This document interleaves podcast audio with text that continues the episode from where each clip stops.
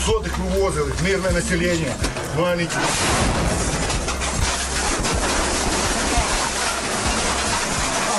Shit! Shit, shit, shit. Shit.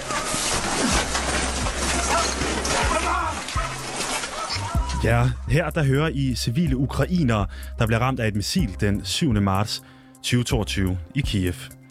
Mere end 10 måneder er gået, siden Vladimir Putin startede en blodig krig på det europæiske kontinent. Tusindvis af både russere og ukrainere er blevet dræbt i, hvad der kan virke som en fuldstændig meningsløs krig. Ifølge Ukraines præsident Volodymyr Zelensky sidder der lige nu 9 millioner ukrainere uden strøm i et russisk forsøg på at presse ukrainerne til overgivelse. Alt imens at den ukrainske vinter først lige begyndt. I dagens udgave af reporterne stiller vi skarp på, hvordan man klarer hverdagen i Ukraine, hvor kampen står lige nu, og hvad Putins næste træk er. Mit navn er Silas Mutti. Velkommen til rapporterne.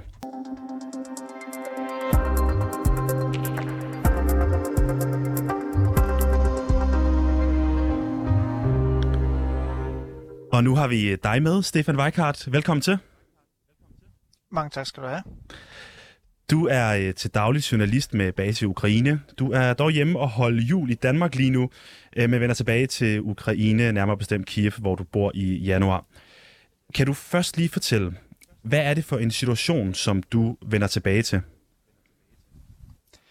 Jamen, det er en enorm uh, usikker situation, uh, som er i Kiev og, og også i andre dele af Ukraine. Altså, der er de jævnligt de her uh, russiske missilangreb og droneangreb imod uh, blandt andet Kiev, øh, som ramler en del øh, kraftværker, transformerstationer og andre kritisk infrastruktur, som gør, at, at storbyen er uden, er uden strøm. Altså, i min lejlighed er der i øjeblikket øh, kun strøm et par timer, sådan løbet af dagen. Øh, der er ikke, stadig ikke vand, Øh, så man skal slæbe vand op øh, til lejligheden i øjeblikket, og, og så er der heller ikke varme på. Øhm, det er sådan nogle ting, der sådan jævnligt bliver forbedret, men det er ligesom om, at med det samme, at tingene ligesom er blevet, blevet bedre, jamen så, så kommer der nye øh, russiske angreb, som igen ødelægger tingene. Øhm. Mm. Og du, du er jo så fortsat stadigvæk i tæt kontakt med, med flere folk i, i den ukra- ukrainske hovedstad. Øhm, hvordan er situationen for de mennesker, der øh, lige nu er midt i en vinter i Kiev? Jamen, den er rigtig kritisk. Altså, øh, det, det er især kritisk med, med varmen. Altså, folk er utroligt bekymrede for, hvordan de klarer sig igennem vinteren. Øh, folk kan selvfølgelig tage noget andet tøj på, men hvis der ikke er nogen varme i deres lejligheder, hvis der ikke er noget strøm, så de kan køre også deres, øh, deres øh, elradiator og sådan ting, jamen så er folk ret prisgivet i deres, i deres lejligheder, fordi at, øh, at der, er, der er ved at blive rigtig, rigtig koldt i Ukraine, og det bliver er meget værre her i løbet af januar og februar, så folk de er i, i store problemer, og det er også det, jeg hører fra folk, er, at de prøver på bedste måde at forberede sig, men Øh, Stefan Weigert, jeg, jeg afbryder lige kort sekund, for du, øh, du bliver meget, meget lav øh, herinde i studiet. Jeg ved ikke, om, øh, om, om der er noget galt øh, ved dig, men vi prøver lige at, at ringe dig op i stedet for. Jeg håber, at øh, vi har med over telefon igen. Jeg kan godt høre det. Den situation, som, som beboerne i, i Kiev er i lige nu, hvordan står det til? Altså, går man på arbejde? Har man et 8-16 kontorjob? Eller, eller hvordan ser det ud? Prøv at male et billede for os, som jo øh, er så langt fra den virkelighed, som du normalt bor i.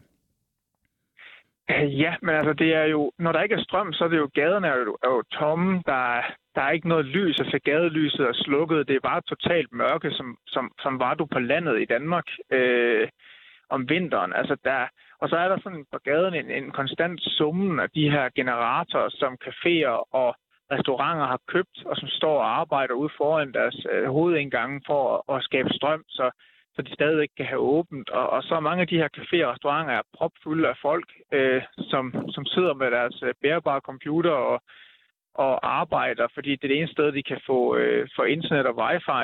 Øhm, og ellers så, jamen altså, så er det en situation, der er enormt præget af det her. Altså, folk går på arbejde, hvis deres arbejdsplads stadigvæk er åben, fordi der er rigtig, rigtig mange øh, ukrainer, der har mistet deres arbejde, fordi fabrikker er, er lukket, øh, restauranter og caféer er lukket. Altså, rigtig, rigtig mange arbejdspladser er, er, er forsvundet på grund af den her russiske invasion, og det præger jo også folks øh, hvad man siger, liv. Altså, de har jo ikke har ikke penge til så mange ting. Flere de prøver at vende hver eneste af gribbener, som er deres lokale valuta, for at få enderne til at mødes. Mm. Ja, altså sådan helt lavpraktisk. Når der ikke er strøm, når der ikke er varme, hvordan laver folk så mad? Ja, men altså, der er jo nogen, der må spise noget, altså spise simpelthen en sandwich, altså lave noget, noget, noget, noget brød, altså købe noget brød, og så lave simpelthen nogle, nogle håndmad på den måde. Og så er der andre, som, øh, som laver mad, laver en del stor mad, når det er sådan, at det rent faktisk har strøm, og så opbevarer det måske på deres øh, balkonger, øh, altaner, øh, hvor der selvfølgelig er koldt nu på grund af det er vinter. Men ellers så køber folk nogle, øh, nogle af de her campingblus, altså sådan nogle, øh, nogle gasblus, som man øh, kan, have med rundt, og så bruger man det til at, til at lave mad. Mm. Og, og det, kan jo, det kan jo lyde som noget fra en eller anden øh, dårlig amerikansk øh, film, det her. Altså sidder med blus og sådan ting. Og hvordan er stemningen i Kiev? Altså, kan de se nogle lyspunkter? Nej, situationen er, er rigtig trykket. Øh, det, folk er nervøse for, hvorvidt der kommer et, et nyt øh, forsøg fra Rusland på at prøve at, at tage hovedstaden her på et tidspunkt, øh, enten i øh, slutningen af vinteren eller start foråret. Øh, og så er der også en nervøsitet generelt om, hvordan de klarer sig igennem vinteren. Altså folk er bekymrede, øh, fordi det er begyndt at blive rigtig, rigtig koldt. Øh, og folk ved godt, hvor koldt der bliver i januar og februar. Øh, så der er ikke sådan en specielt god stemning i Kiev generelt. Øh, men, men jeg vil ikke sige, at det ligesom er udtryk for, at folk sådan ligesom er klar til at give op. Men der er, der er, en, der er en, en, en bekymring hos folk. Øh, og det er klart, at, at det her med, at der er så få timer i løbet af døgnet, hvor der er lys, altså hvor der er, man sige, altså rent faktisk er lys på gaden, eller man kan sige, at øh, det, da solen er op, øhm, og, og man så ikke har noget strøm i sin lejlighed, og der er så mørkt i alle andre tidspunkter af døgnet, det, det er rigtig hårdt for mange mennesker. Mm. Altså vi, vi så jo i, i løbet af sommeren, at der blev lavet nogle arrangementer også for ligesom at holde, holde gejsten op i, i hovedstaden. Gør man, at man droppet fuldstændig det, altså teater og biograf, øh, nogle af de her ting, som kan give et pusterum fra, fra en ret hård hverdag? Det er ikke fordi alt er droppet, men, men det er en helt anden situation, som var i, i sommeren. Altså i sommeren var, var Kiev ikke særlig ofte ramt af, af de her russiske missilangreb. Og det gjorde, at det nærmest virkede sådan for mig, som også har boet i byen øh, før invasionen, ligesom om vi var sådan begyndt at komme lidt tilbage til en form for normal. Altså hvor folk de gik i operan, øh, folk de tog på, på, øh, på strandene i byen øh, ved floden og, og hyggede sig og grillede og forskellige andre ting. Øhm, og så begyndte de her angreb mod infrastrukturen, og de har virkelig ødelagt rigtig meget af det her. De har gjort folk, øh, i hvert fald en del borgere, bange for at, at gå på gaden igen, fordi nu ved de ikke, om når sirenen hyler, at det så rent faktisk er et angreb mod hovedstaden, hvor at tilbage i sommeren, så var det ikke så, så sandsynligt, at der kom noget rent faktisk, men nu er det sådan meget mere alvorligt. Øh, og også fordi, at der så mange ting har været nødt til at lukke på grund af det her med manglende strøm. Det gør, øh, at, at, at livet er meget anderledes, end det var i, i sommeren. Mm. Og du nævner også selv den her øh, optrapning, øh, senest set med, at, at Putin jo besøgte øh, Belarus præsident Lukashenko i Minsk. Øhm, og, og det der er, det er jo, at Belarus grænse ligger ret tæt på Kiev, øh, som du, du selv også nævnte her før. Er man begyndt at frygte en invasion af Kiev? Øh, ja, øh, det er borgerne i Kiev, vil jeg sige. Øh, og det er det specielt, fordi at ukrainske øh, general har været ude at sige, at det her det der er en ret stor sandsynlighed for at kommer til at ske her, enten i slutningen af vinteren eller start marts øh, for eksempel. Øh, og det, det er noget, der skaber bekymring, fordi normalt de ting, han siger, det er noget, som ukrainerne lytter til, og det er også noget, som, som ofte ender med at holde stik. Så det er noget selvfølgelig, der gør, der gør borgerne bekymret. Men det er ikke sådan, at den overvældende panik, der breder sig i, i Kiev for eksempel omkring det her. Fordi at borgerne er jo ligesom altså, vant til krigen efterhånden. Altså der kommer de her ret ofte øh, missilangreb mod byen. Øh, mange mennesker har oplevet øh, den første russiske forsøg på at indtage Kiev, og der er mange mennesker, som, som stadigvæk er præget af krigen på den ene eller den anden måde. Så det er ikke altid sådan, at, at det ligesom dominerer alt billedet lige nu i Kiev, men det er klart, at det er noget, som folk de følger. Mm. Nu, nu er det så Kiev, vi har snakket om her. Hvordan ser det ud i resten af Ukraine? det, det, det med den manglende strøm og, og, og varme og sådan noget, altså det er afhængig af, hvilken del af Ukraine man er i, altså hvorvidt at de russiske angreb har ramt kritisk infrastruktur i de dele af Ukraine, men generelt set er situationen alvorlig. Og i de områder, hvor at øh, Ukraine har genvundet territorier, f.eks. i Kharkiv-regionen i den øh, nordøstlige del af landet, jamen der øh, er mange ting ødelagte. Øh, folk de har, ud over problemerne med mangle gas, mangle øh, øh, vand og, og elektricitet osv., jamen så har folk også store problemer med overhovedet at få mad på bordet og er dybt afhængige af, at nødhjælpsorganisationer kommer og leverer mad og drikke. Stefan Weikart, dansk journalist, der til dagligt har base i den ukrainske hovedstad Kiev. bliver endelig lige hængende, for øh, vi flytter lige fokus fra øh, folket Kiev, Kiev og så til krigen som helhed. Ja, for kampene i Ukraine er i de her dage især koncentreret omkring det område, der hedder Bakhmut. Det ligger i det østlige Donetsk-region, og her der fortsætter russerne med de her hyppige angreb. Stefan Weigert, den ukrainske præsident Zelensky, han sagde i mandags, at kampene ved frontlinjen i Bakhmut kræver maksimal styrke og koncentration, og han kaldte situationen i området for svær og akut.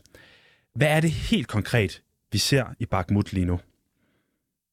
Vi ser, at, øh, at russerne øh, presser med alt, hvad de har, øh, for at prøve at indtage byen og det område, der ligger omkring den. Øh, de presser fra den, øh, fra den sydlige del omkring byen, øh, og så også fra den nordlige del, og for ligesom at prøve på en eller anden måde at slå en ring omkring byen, og ligesom presse de ukrainske soldater til at trække sig ud og opgive byen, øh, og så angriber de faktisk også lige på byen, kan man sige. Øh, så det vil sige, at de russerne er lige udkanten af, af, af Bakhmut, øh, og der er nærmest, øh, altså de skal ikke ret meget tættere ind i byen, før vi får reelle, kan man sige, gadekampe øh, i byen. Ja, og Zelensky han gjorde det også klart i, i mandags her, at russerne de bruger alle de ressourcer, de har til rådighed. Og det er altså betydelige ressourcer de, for at vinde det her øh, område. Hvor afgørende er Bakhmut?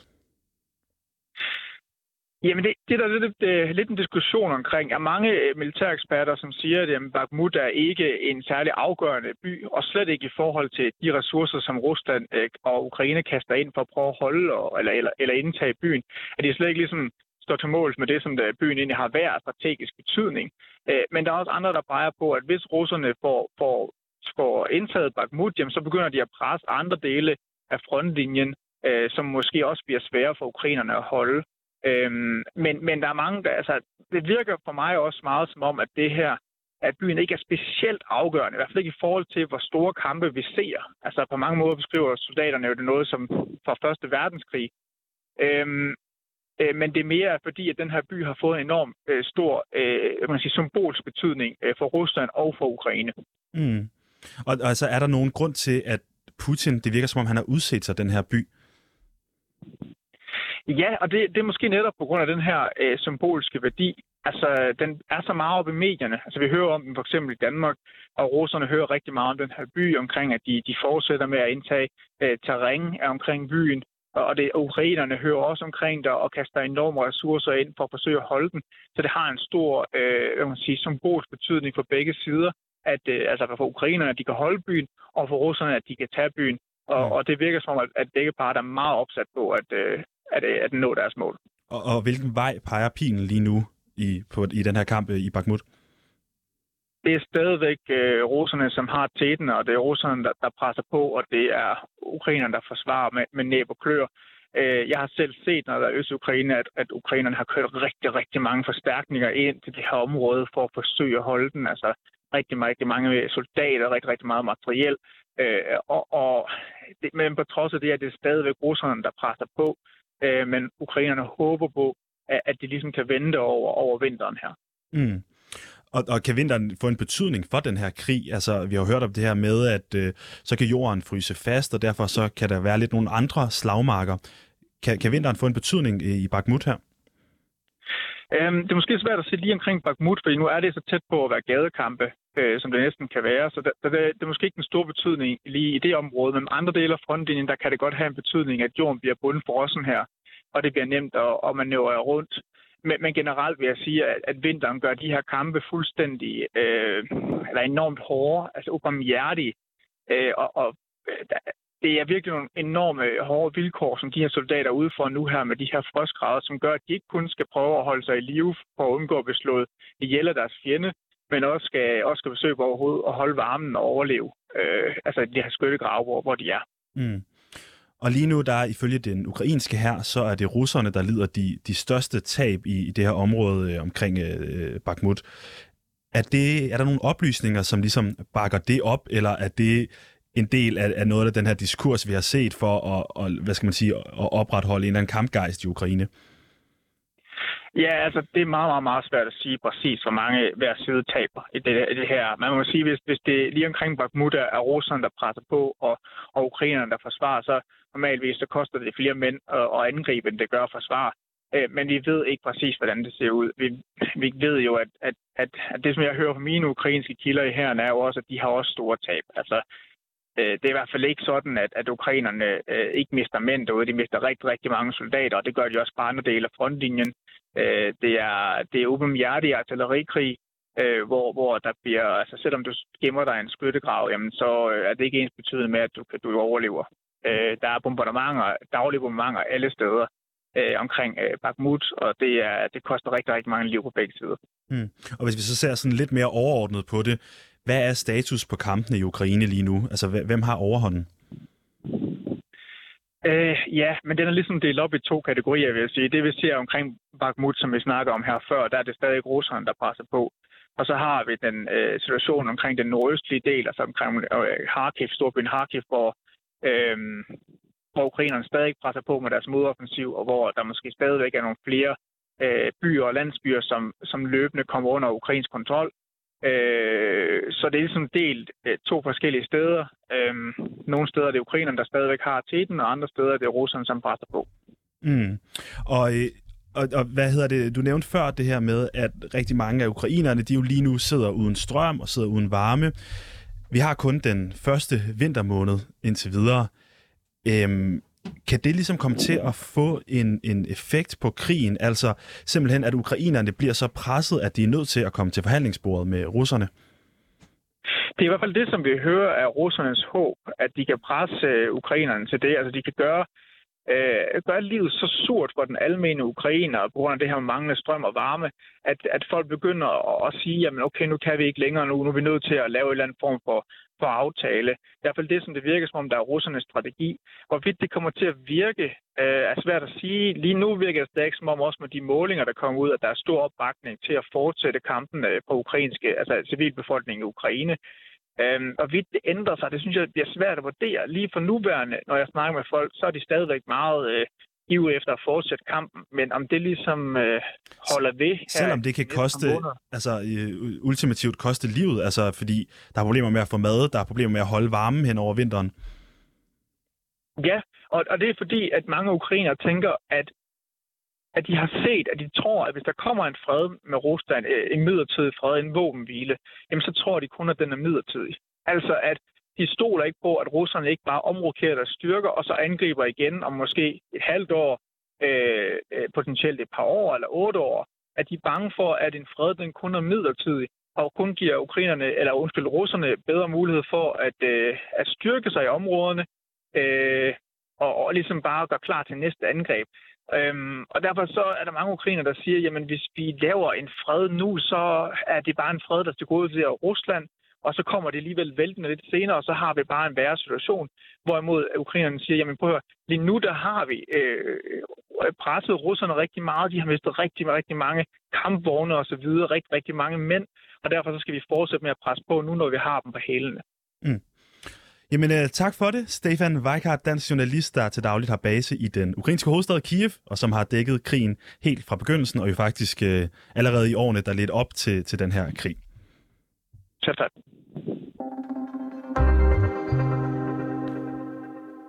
Nu hvor vi har fokus på krigen i Ukraine, så lad os lige vende blikket mod Rusland. For inden for de sidste 24 timer, der har den russiske præsident Vladimir Putin mødtes med den belarusiske præsident Alexander Lukashenko, bedre kendt som Europas sidste diktator, hele to gange, hvor de angiveligt har lagt sidste hånd på en række ting. Claus Mathisen, du er med os i studiet. Ja. Du er studielektor ved Forsvarsakademiet, og så du kan med i russisk og forhenværende forsvarsattaché i Ukraine. Og velkommen til programmet. Tak skal du have. Ved vi konkret, hvad de her to mænd de har lagt den sidste hånd på, som de siger?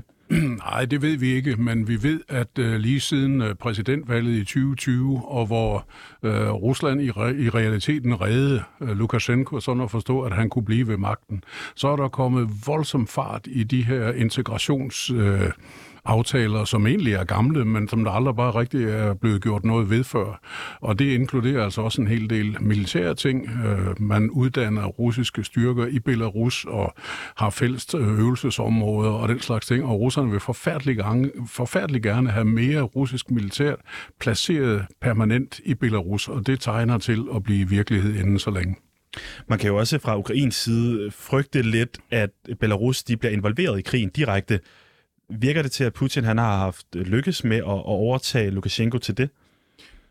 Jeg tror ikke, at det er lykkedes at overtale Lukashenko til det, og det baserer jeg egentlig mest på, at hidtil er det jo lykkedes Lukashenko at holde sig ude af krigen i form af, at han ikke har sat belarusiske styrker ind sammen med de russiske.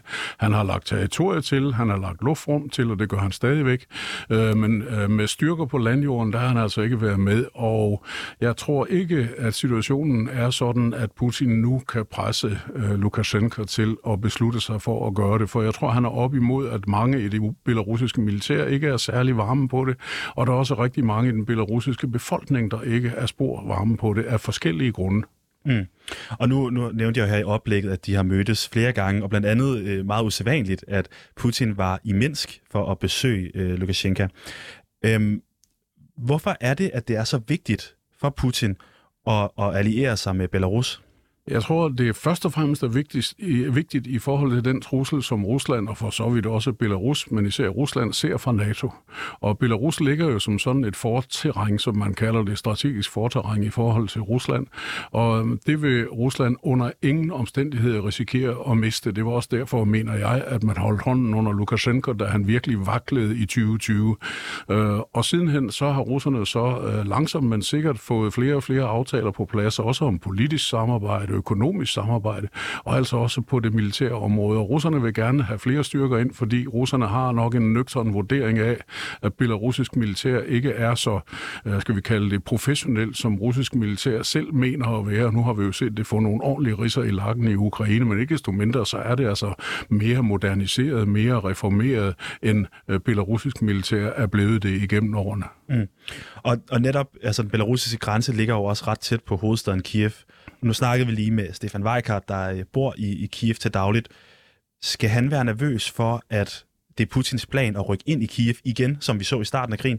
Ja, det, det, den risiko mener jeg, der er, øh, uden at jeg vil sætte noget tal på, hvor stor den er. Men altså, der, der er noget, der tyder på, at russerne har mobiliseret tilstrækkeligt mange. De siger 300.000. Vi ved det ikke, om det er så mange, eller det er flere eller færre.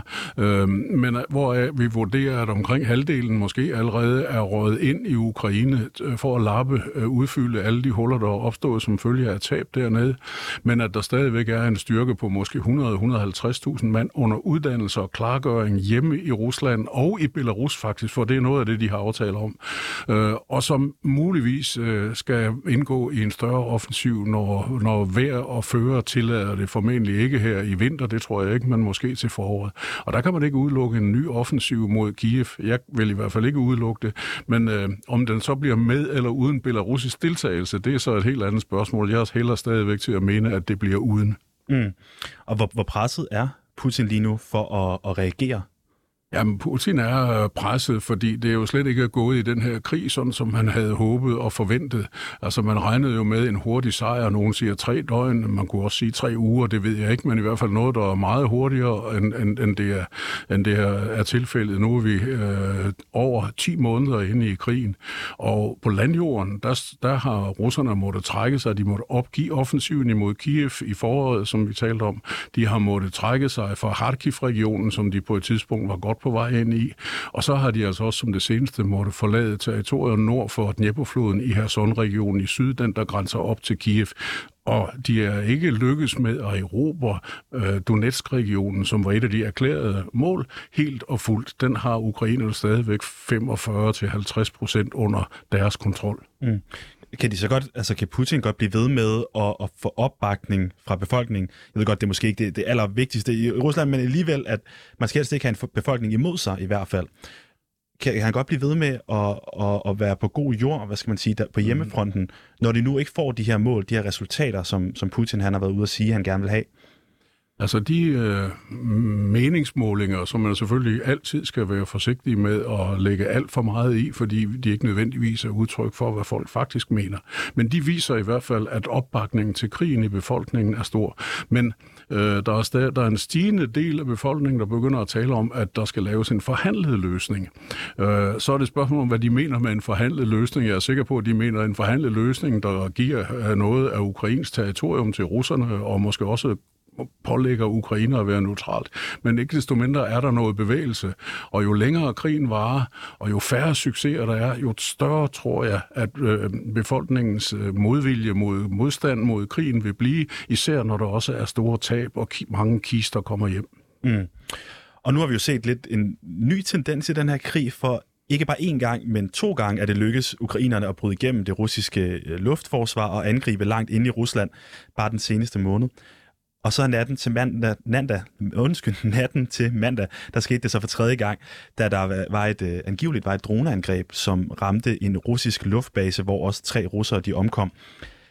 Hvad skal vi læse ud af det her? Er det her et tegn på, at krigen er ved at skifte, eller hvordan skal vi forstå det? Øh, jeg tror, det er for tidligt at, at se det som det, man kunne kalde sådan et paradigmeskifte, hvor mm. ukrainerne for alvor begynder at, at angribe ind på russisk territorium.